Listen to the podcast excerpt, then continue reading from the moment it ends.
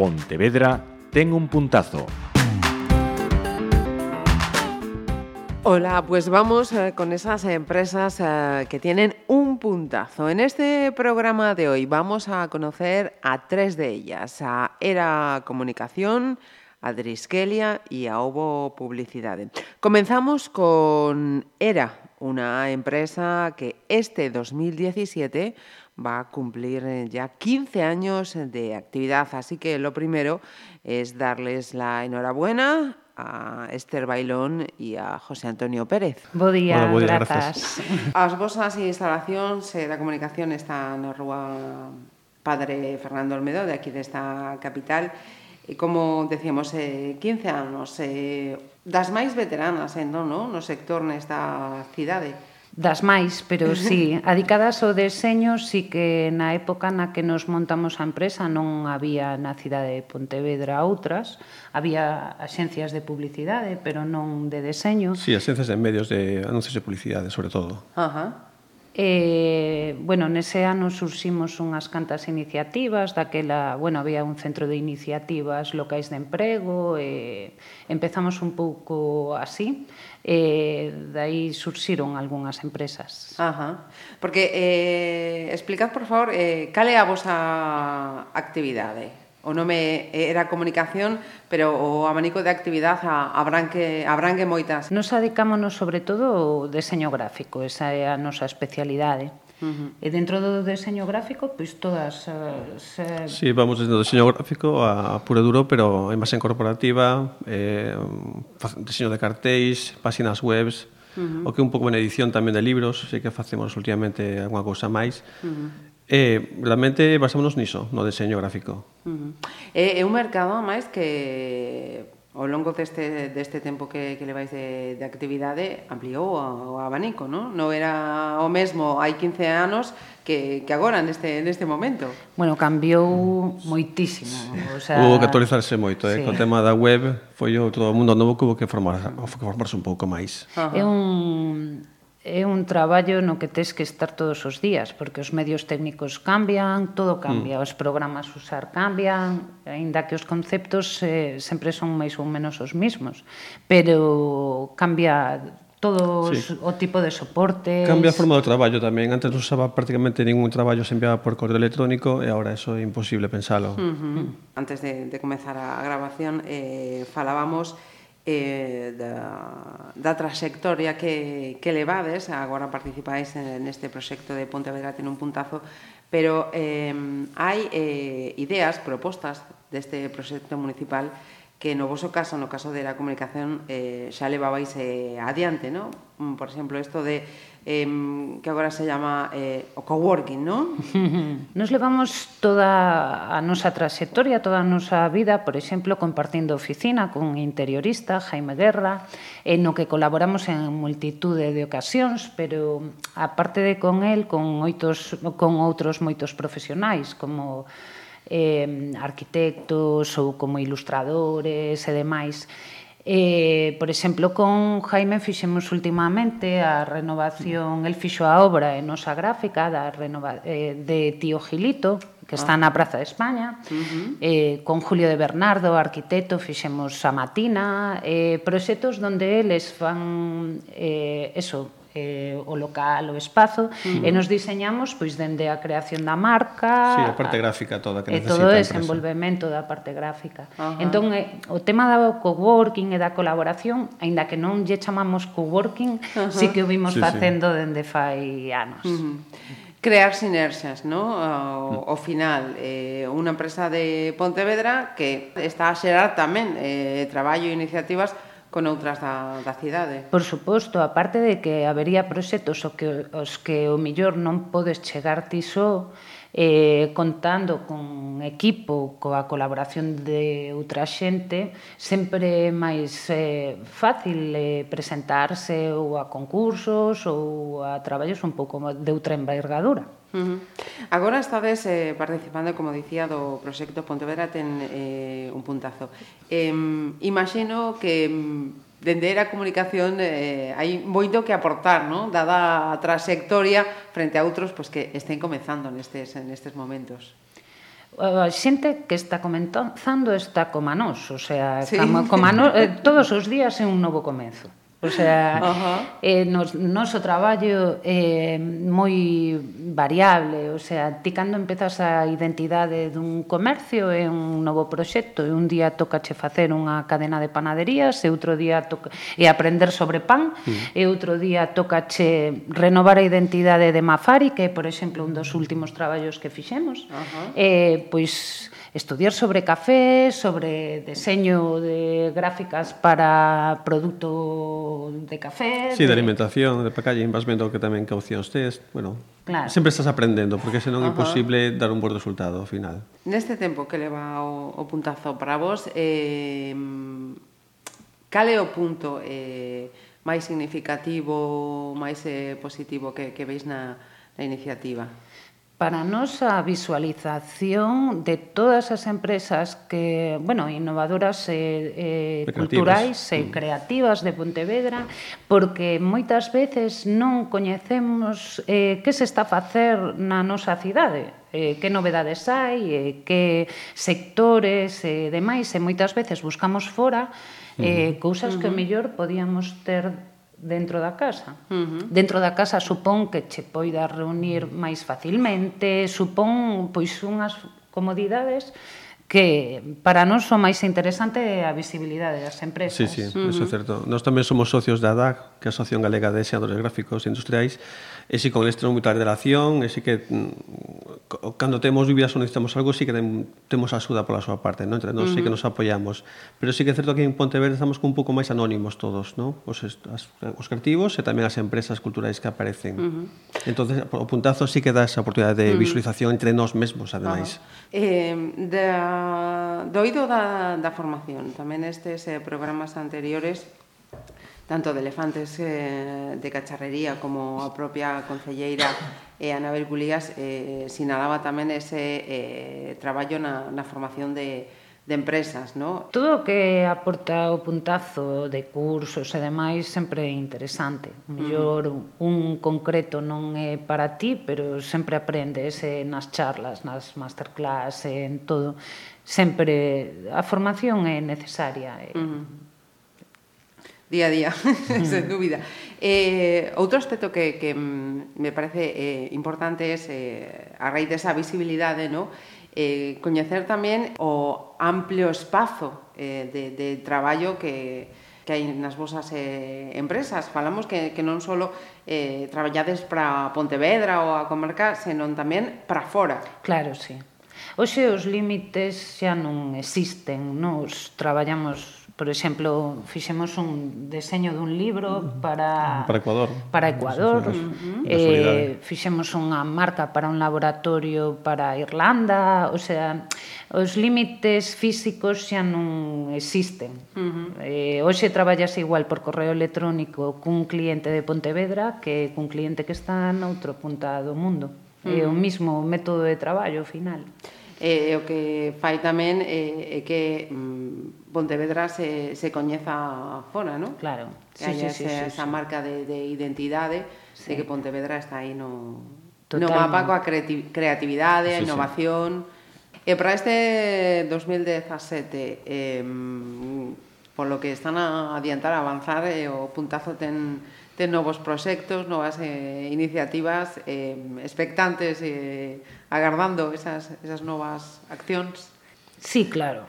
Eh, no tema da formación eh, é, un, é unha axuda inestimable eh, que nos prestan eh, a hora de facer proxectos pois sempre é todo máis sinxelo eh, o Concello está receptivo uh -huh. entón, bueno, flúe a cousa uh -huh. móvese en Pontevedra eh, eh, Que hai en, en Pontevedra para que teñamos eh, tantas iniciativas tantas eh, empresas, accións no oído creativo? E vosotros que traballades neste eido, non sei se... Si...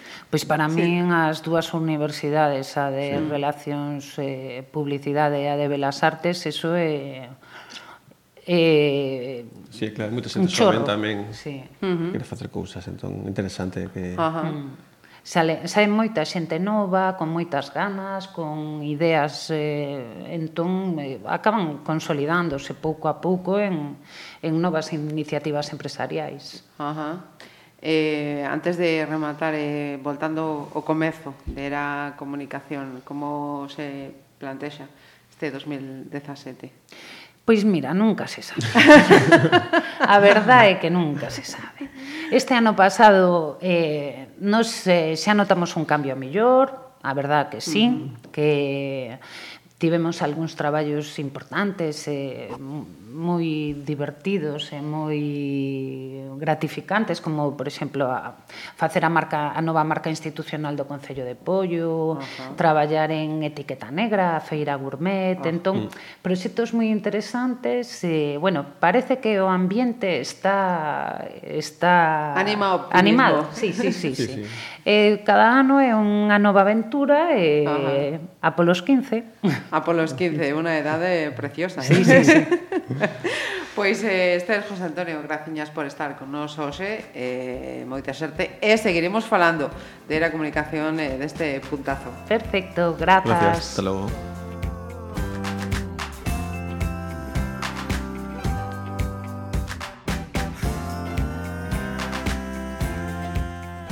Seguimos coñecendo esas empresas eh, que ten un puntazo Eh, agora toca o turno de Triskelia, unha empresa eh, do eido creativo, cultural, eh, que ten eh, nome eh, de muller porque eh, é un proxecto mm, que puxerán en marcha Vanessa López eh, Chousa e María Villa García. Benvidas. Hola, moitas grazas. Eh, chicas, eh, Triskelia, cando naceu, como xurdiu este proxecto? Pois, Trisquelia xa naceu xa mm, hai tempo, xa choveu, xa choveu bastante. Eh, foi alá en, no 2001, eh, nos prácticamente acabábamos de rematar a carreira, estudiamos publicidade e relacións públicas, estábamos nese momento preparando o proxecto de fin de carreira, anda non sabíamos moi ben por onde tirar, e decidimos que era un momento de emprender, de tirarse a piscina, era cando podíamos, ainda estábamos uh -huh. casi saindo, e era o momento de cometer locuras, e alá fomos, non? E, De feito, a maior locura creo que a fixo Vanessa, que deixou un traballo indefinido pois sí, por aventurarse pois sí. nisto, e, bueno, e desde entón, pois, uh -huh. aí, aí levamos desde... Ou se xa que 16 mm, anos. 16 anos, cumplimos Casi en xullo. Casi nada. Noraboa, hai que dar a Noraboa, eh? sí, porque xa é un proxecto consolidado, uh -huh. eh, costou. Por que se, se deu esa, esa decisión? Non había ninguén no mercado, tiñades claro que o voso empezou... era ter unha empresa e non traballar para pois pues ninguén. Pois mira, empezou, empezou tamén dunha maneira tamén eh, igual. Eh, Ao rematar a carreira fixemos unhas mm, prácticas como bolseiras no Pazo da Cultura e a raíz de aí pois sempre estábamos con que traballamos ben xuntas, que tiñamos que montar algo e, bueno, remataron as prácticas, cada unha foi por un lado e ao cabo de pouquiño tempo dixemos temos que retomar isto que Pontevedra uh -huh. ten que ter eh, ten esa estructura non para poder para poder facer algo de publicidade daquela tampouco había moitas axencias eh, nese momento e si tiña unha carreira, co cal em, uh -huh. iban a empezar a sair ornadas da facultade, era un momento, entón foi cando, cando uh -huh. empezamos e ala fomos. E que de feito non había ningunha empresa que, eh, digamos, tivera a nosa estructura, xa que nós nos dedicábamos tanto ao deseño como a comunicación, como a organización de eventos. Eso nos permitiu eh, ser unha ILE, que era unha mm, iniciativa local de emprego, Ajá. e nos permitiu estar un tempo no viveiro de empresas que tiña o Concello, que claro, era unha axuda moi grande, tanto uh -huh. polo que nos por toda a formación que nos deron para montar a empresa, como por ter un pequeniño despacho para uh -huh. empezar, no? Ajá. Que foi o, o máis eh, complicado deses eh, comezos no 2001? A ver, sobre todo creo que ao principio, eh, claro, a liquidez, eh, porque nos había, bueno, polo tipo de estrutura, tiñas que ter 3.000 euros que os sacamos o día seguinte para comprar os ordenadores, porque claro, si non era imposible, e entón, eh, cando empezas non sabes moi ben como son os tempos dos pagamentos, eh, crees que vai a ir todo máis rodado, daquelas as institucións non é como agora que tardaban moito máis en pagar, entón, eses inicios e incluso tamén moito orzamentar, uh -huh. porque, bueno, tampouco, claro, Non tiñas esa experiencia de canto claro. custa realmente o teu traballo, claro, o tempo. Non sabes canto che custa a ti, xa non é uh -huh. o que custa no mercado, uh -huh. senón o tempo que vas a invertir ti, uh -huh. eh, non tes controlados os gastos que te supón, entón, logo, claro, todas esas uh -huh. cousas tes que irlas, irlas repercutindo no, no precio final. Bueno, vas aprendendo cousas. E iso, eh, falta eh, alguén eh, na, na parte teórica, na formación, na, nas uh -huh. facultades, que, que Por ensinen... Por mira, se si ti decides ter a túa empresa, tes que saber isto, isto, isto e que non sexa pois iso, unha vez que estás xa no, no fregado Mira, ter que... de feito, de feito o Concello agora mesmo sí que está ofrecendo cursos uh -huh. eh, ás empresas que se están creando agora non para ensinarlles a como presentar un proxecto, como facer un orzamento, como presentar unha factura. Nos todas esas cousas aprendímolas a, a base a de, de erros. Sí, sí, e de erros. E que conste que, claro, na universidade tampouco hai esa parte teórica. Nos notamos agora moito que temos mm, colaboramos con universidade, temos bolseiras, e claro, a veces que decimos, jo, con un ano máis que vos, nos montamos unha empresa, levando no mercado laboral traballando mm, eh, no meu caso 11 meses. E, e, e elas dicen, ai, Dios mío, pero como pode ser? Tamén daquela sí creo que había máis ese espírito de pois vamos a montar algo porque tal, bueno, a ignorancia que a veces é moi atrevida, pois que nos, nos facilitou eso no. e non ter hipotecas naquel momento, claro. Notámoslo tamén cando acudimos á facultade que Ciencias Sociais chamanos moito para ir a, a, a falar cos alumnos, a, ensinar como é o, o mercado laboral despois, non? Eh, eles non teñen esa, esa mentalidade emprendedora que quizás temos agora, non? Eles, uh -huh. eles xa están pensando en ir a traballar nunha empresa e nós quizás pensábamos máis en montar a nosa propia xencia de publicidade. Uh -huh. Eu sei que noto ese cambio, ese cambio de mentalidade xeracional. Uh -huh. Eh, decías, eh, agora colaboramos coa universidade, eh, temos bolseiros, eh, hai tamén eh, empregados en, en Triskelia. Como é esa, esa evolución, entón?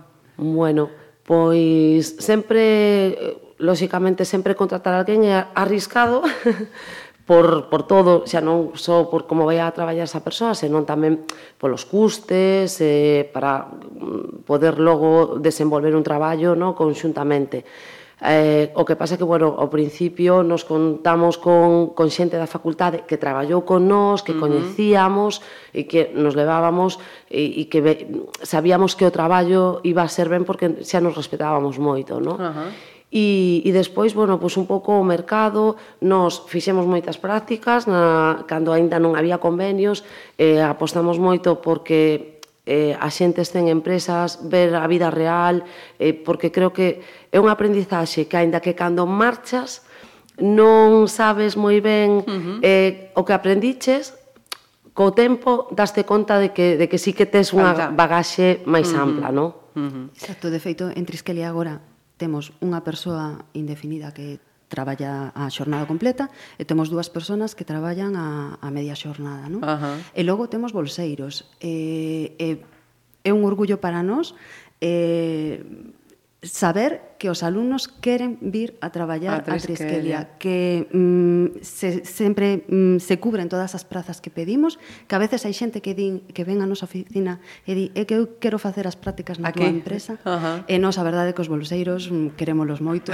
e traballamos moito con eles e, entón uh -huh. pois tamén é de agradecerlle non? Eh, eh, o mercado para o que traballades eh, supoño que tamén eh, con, co tempo eh, estar estar aí non é o mesmo eh, que ti vayas a ofrecer o teu traballo, seno que esas empresas eh, ou, ou particulares ou entidades eh, públicas os chamen, no? Para facer ese traballo. Sí, eh, nos tivemos a gran sorte de que grazas ao boca a boca, porque realmente ni, nunca fomos eh, a porta fría uh -huh. a algunha empresa ou algunha institución, non? Sempre, pois, incluso nos chamaban pensando que estábamos noutros sitios eh, bueno, para facernos unha proposta, para traballar, e temos que decir que mm, por sorte, e creo que tamén por, por constancia, por traballo, ¿no? por traballo eh, temos clientes que levamos desde o principio, clientes pequeniños, pero tamén clientes grandes.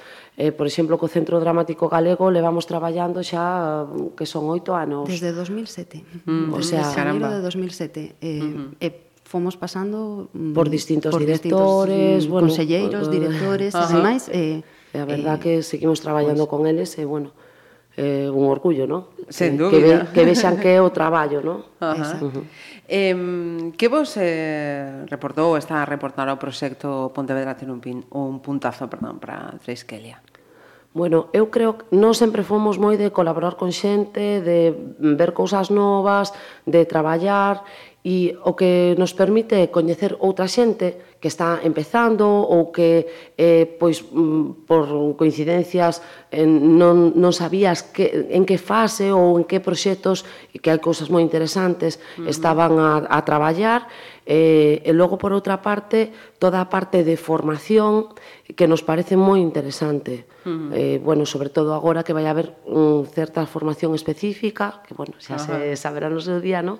que, que nos parece porque, bueno, sempre é máis no noso, pois hai que estar en continuo uh -huh. avance e movimento e, e sempre xente nova, ideas frescas, eh, non sempre decimos que A competencia, pero tamén a colaboración é moi importante para facer mm, proxectos. Grandes causas. E, uh -huh. e a competencia é boa, senón pois a Mancio non tería na mesma rúa todas as súas tendas. Efectivamente. E sobre todo porque a veces, aínda que vivimos nunha cidade pequena, tampouco sabes eh, que hai outras empresas que están facendo cousas uh -huh. importantes eh, que están facendo fora uh -huh. eh, e tamén está ben sabelo para tratar de integrar esos proxectos a proxectos teus, non? Uh -huh. Entón... Non dixen que estades na Rúa García Camba, por se si alguén aínda sí. no sabe. Eh, perspectivas de aquí en, en adiante.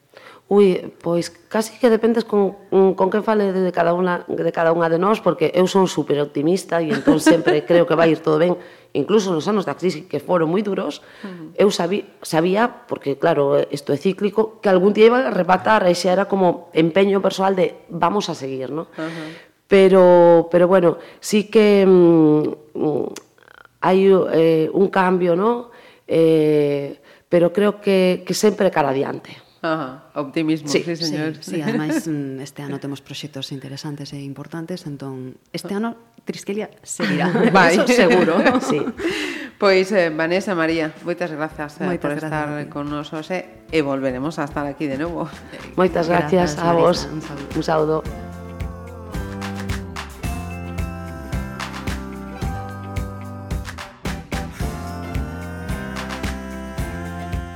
E o terceiro dos nosos eh, convidados deste programa é a empresa Ovo Publicidade. E temos eh, con nós tamén o ideador, eh, propietario, como como chamamos eh, Ismael Calvo a este cargo.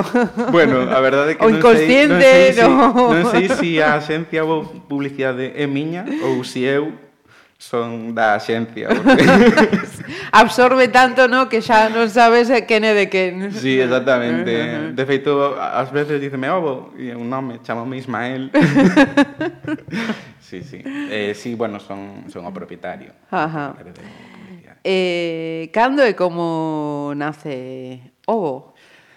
Pois, eh, Ovo nace en 2002, Eh, bueno, eu son licenciado en Publicidade e Relacións Públicas e despois de pasar por algunhas axencias eh, en Santiago e en Vigo e de traballar como uh -huh. director creativo, eh, empecé a facer eh, máis en serio traballos que facía desde sempre, desde que empecé a carreira, uh -huh. típico, ¿no? Eh, coñeces alguén, entonces non, eu sempre fui moi moi activo, uh -huh. eh, moitas actividades extra eh, curriculares na, sí. entonces, facía teatro, Ajá. estaba en asociacións, entonces sempre como que empecé a facer os traballos de comunicación e publicidade para estas asociacións coas que eu estaba implicado. Non? Ajá. E a partir de aí empecé a ter como clientes meus propios uh -huh. e ao mesmo tempo traballaba en outras axencias. E chegou un momento que a vida non me daba. O sea, eu facía as miñas oito horas nas axencias que me contrataban, Ajá. pero logo mellor facía outras oito horas ou dez na miña casa para os clientes meus particulares. E xa chegou un momento que mm. que realmente ou para non mí, decidín, ou para os demais. non decidín montar unha axencia, senón que a decisión Ajá. foi como eh, inevitable, non? Teño que quero seguir por aquí, eu sí que aspiraba a ter unha xencia en algún momento e uh -huh. como os clientes o volumen de traballo foi xa bueno, pois pues hai que facelo agora e, e, e fago e punto e adiante. Uh -huh. Eh, mira, eh, eh, o Bo Publicidade é unha das empresas que, que está inmersa neste proxecto de Pontevedra ten un puntazo, uh -huh. non? Eh, pensas que mm, de comenzar agora baixo paraugas eh, de unha iniciativa como o puntazo Podería haber sido diferente ou menos eh, complicado que cando ti empezaras no 2002? Eh, pff, é que a situación é moi distinta. Uh -huh. eh, antes e agora, o sea, eu reconozo que eh, a oportunidade de, de abrir unha empresa e e de tirar para adiante eu tuve no, tive no máis fácil a situación xeral, económica mm. e mm. era a verdade é mellor. Eu penso que os que están agora o teñen difícil, pero non imposible. Uh -huh. Os que empezan agora, claro. Non seguimos estando. que é importante. Eh, é, é difícil. E logo hai, por outra banda, hai cuestións como esta, como puntazo, que, en, que nos, os da, os da miña época, como que o aprendimos coa experiencia e o puntazo eh, o, o pon máis fácil de acceder, non? Eu cando empecéi, eh, en principio costoume moito integrarme no ritmo uh -huh. da cultura pontevedresa ou das axencias que viven eh, axencias de publicidade ou das empresas que viven un pouco do tema creativo uh -huh. e cultural, non? E logo funme facendo a base de esforzo, traballo, de ser eh, proactivo coa xente, decir, hola, son Ismael, teño uh -huh. esta xente", o sea, Ao final fíxenme o meu oco e agora estou completamente integrado e hai proxectos de colaboración e hai moi bo ambiente, non? Uh -huh. Pero costou. Isto é o que fai o puntazo. O puntazo é as empresas que xa estamos e nos conocemos, ben, pero hai moitas empresas que non conocemos e que facilitan ese coñecemento de cal é o sector creativo que hai na cidade e, e a veces te das conta de que hai cousas que non sabías que existían, de que hai empresas que fan cousas que o mellor ti necesitas ou que complementan e eso facilitou moitísimo puntazo que antes non o tiñamos uh -huh. E, e era máis a base de pegarte contra unha parede ou de, non sei, ou da uh -huh. sorte ou de coincidir. E uh -huh. agora esa coincidencia, esa sorte provócase uh -huh. desde o Concello, me parece unha idea genial. Fíjate eh, que os compañeiros de ERA, as compañeiras de Trisquela, Trisquelia, perdón, eh, viñeron eh, en horarios diferentes, uh -huh. non? Nas tres conversas todos chegáis ao mesmo punto, a iso que acabas de explicar. Claro, é que é o, é o que pasa. Nos, mira, a min hai unha cousa que, que sempre nos, nos pasa cando vamos, pois, as reunións de asociacións profesionais ah, en un ámbito máis grande que a provincia, por exemplo, eh, a nivel regional ou a nivel uh -huh. España incluso, uh -huh. que cando contamos a experiencia que pasa aquí en Pontevedra, non, non o creen. É como, pero como? o puntazo tamén sale de que as empresas antes do puntazo Ajá. xa tiñamos un pouco este, Ese este espíritu, espíritu de colaboración. No? Algo que pasa en Pontevedra é que por suposto todos somos competencia, a tarta é a que é, uh -huh. e todos queremos o cacho máis grande posible desa tarta, uh -huh. porque somos empresas e estamos para para para ter clientes e, e para pero hai un un respeto e un unha colaboración desde, desde, bueno, desde que eu abrín, polo menos. Uh -huh. ¿no? O que haya proxectos e iniciativas nas que todos eh, esteis eh, presentes e cada un pues, eh, leve, aparte que lembro, creo que foi no... Etiqueta negra, pode ser sí, que cada uno pues, eh, levaba... Pois pues mira, ese é uh -huh. un exemplo perfecto dun proxecto de colaboración. Uh -huh. O sea, calquera eh, eh, etiqueta negra foi un proxecto que eh, levamos, bueno, é do Concello de Pontevedra, pero como que as tres empresas de publicidade, Triskelia, Era e Ovo, uh -huh. participamos mm, na súa posta en marcha, non? Cada un na súa parte, pero eso non, non podería ter sido... O sea, por que fixemos isto así? Pois porque eh, o mellor é un proxecto demasiado grande para unha uh -huh. empresa pequena que a min, por exemplo, a Ovo, no caso de Ovo, implicaríame pois ter que desatender outros proxectos, ter que subcontratar moito personal externo eh, e perder o control un pouco uh -huh. mm, de, de asegurar de que isto vai salir ben, non? Uh -huh. Entonces, por que non decir, bueno, que eu podo me encargar desta parte, pero que hai esta outra empresa en Pontevedra, Triskelia ou Era ou uh -huh. calquera outra empresa que haxa, uh -huh. que, oye, poderemos traballar xuntos, sí, e, e iso leva ter que falar moito, ter que coordinarse moito, uh -huh. e entonces pois sí, eu levo o meu recinto, pero o meu recinto necesita de reunións cada dous días coas outras empresas para que todo vaya en... Uh -huh.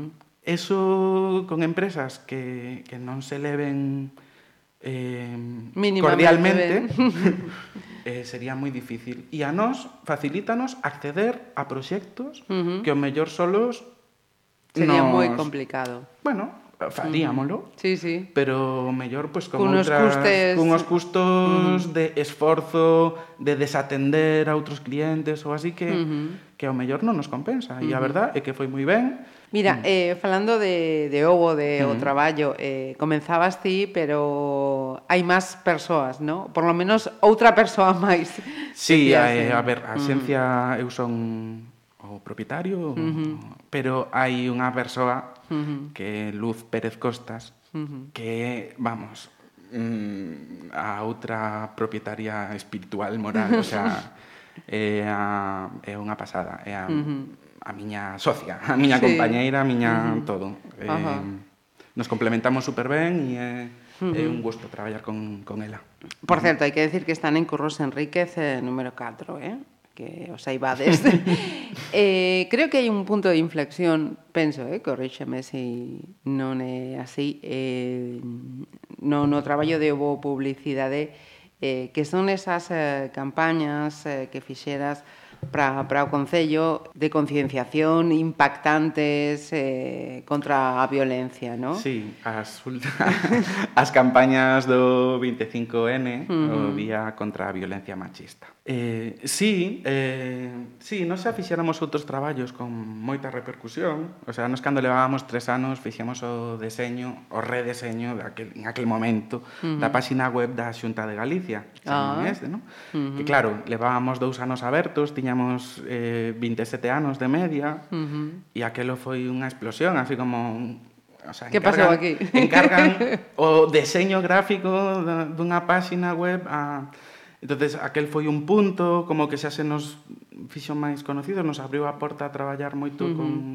eh, outras empresas un pouco máis grandes, pero é verdade que nos últimos anos o recoñecimento, así como a mm. fanfarria, mm. non? Hai outros traballos que funcionaron moi ben, ou casi tan ben, ou, pero que mellor son nós estamos máis ocultos porque é unha campaña para eh, X empresa ou para Ajá. X administración, no? Pero en este caso eh, as características destas campañas que foron moi arriscadas eh, Estamos falando de, das últimas campañas, non digo porque o mellor os ointes non, no non están conocen. Tanto, Era unha, sí, sí. Pois a primeira que máis eh, boom provocou foron as campañas contra a violencia machista na que uns insultos moi grandes, palabras uh -huh. como puta, eh, burra ou porca uh -huh. eh, estaban en letras xigantes en mupis da cidade. Non? Uh -huh. E ese eran como o impacto e logo explicábase no texto que isto é o inicio da violencia machista, non? Que a infraval, o sea, infravalorar a túa parella insultando a eh, uh -huh. pola súa maneira de vestir ou ou pola súa corta intelixencia, según o teu parecer, uh -huh. eso eran os primeiros pasos da violencia machista. Uh -huh. E eso nos abriu a porta a que o seguinte ano xa foi como, vale, a ver, que queres que facer ahora.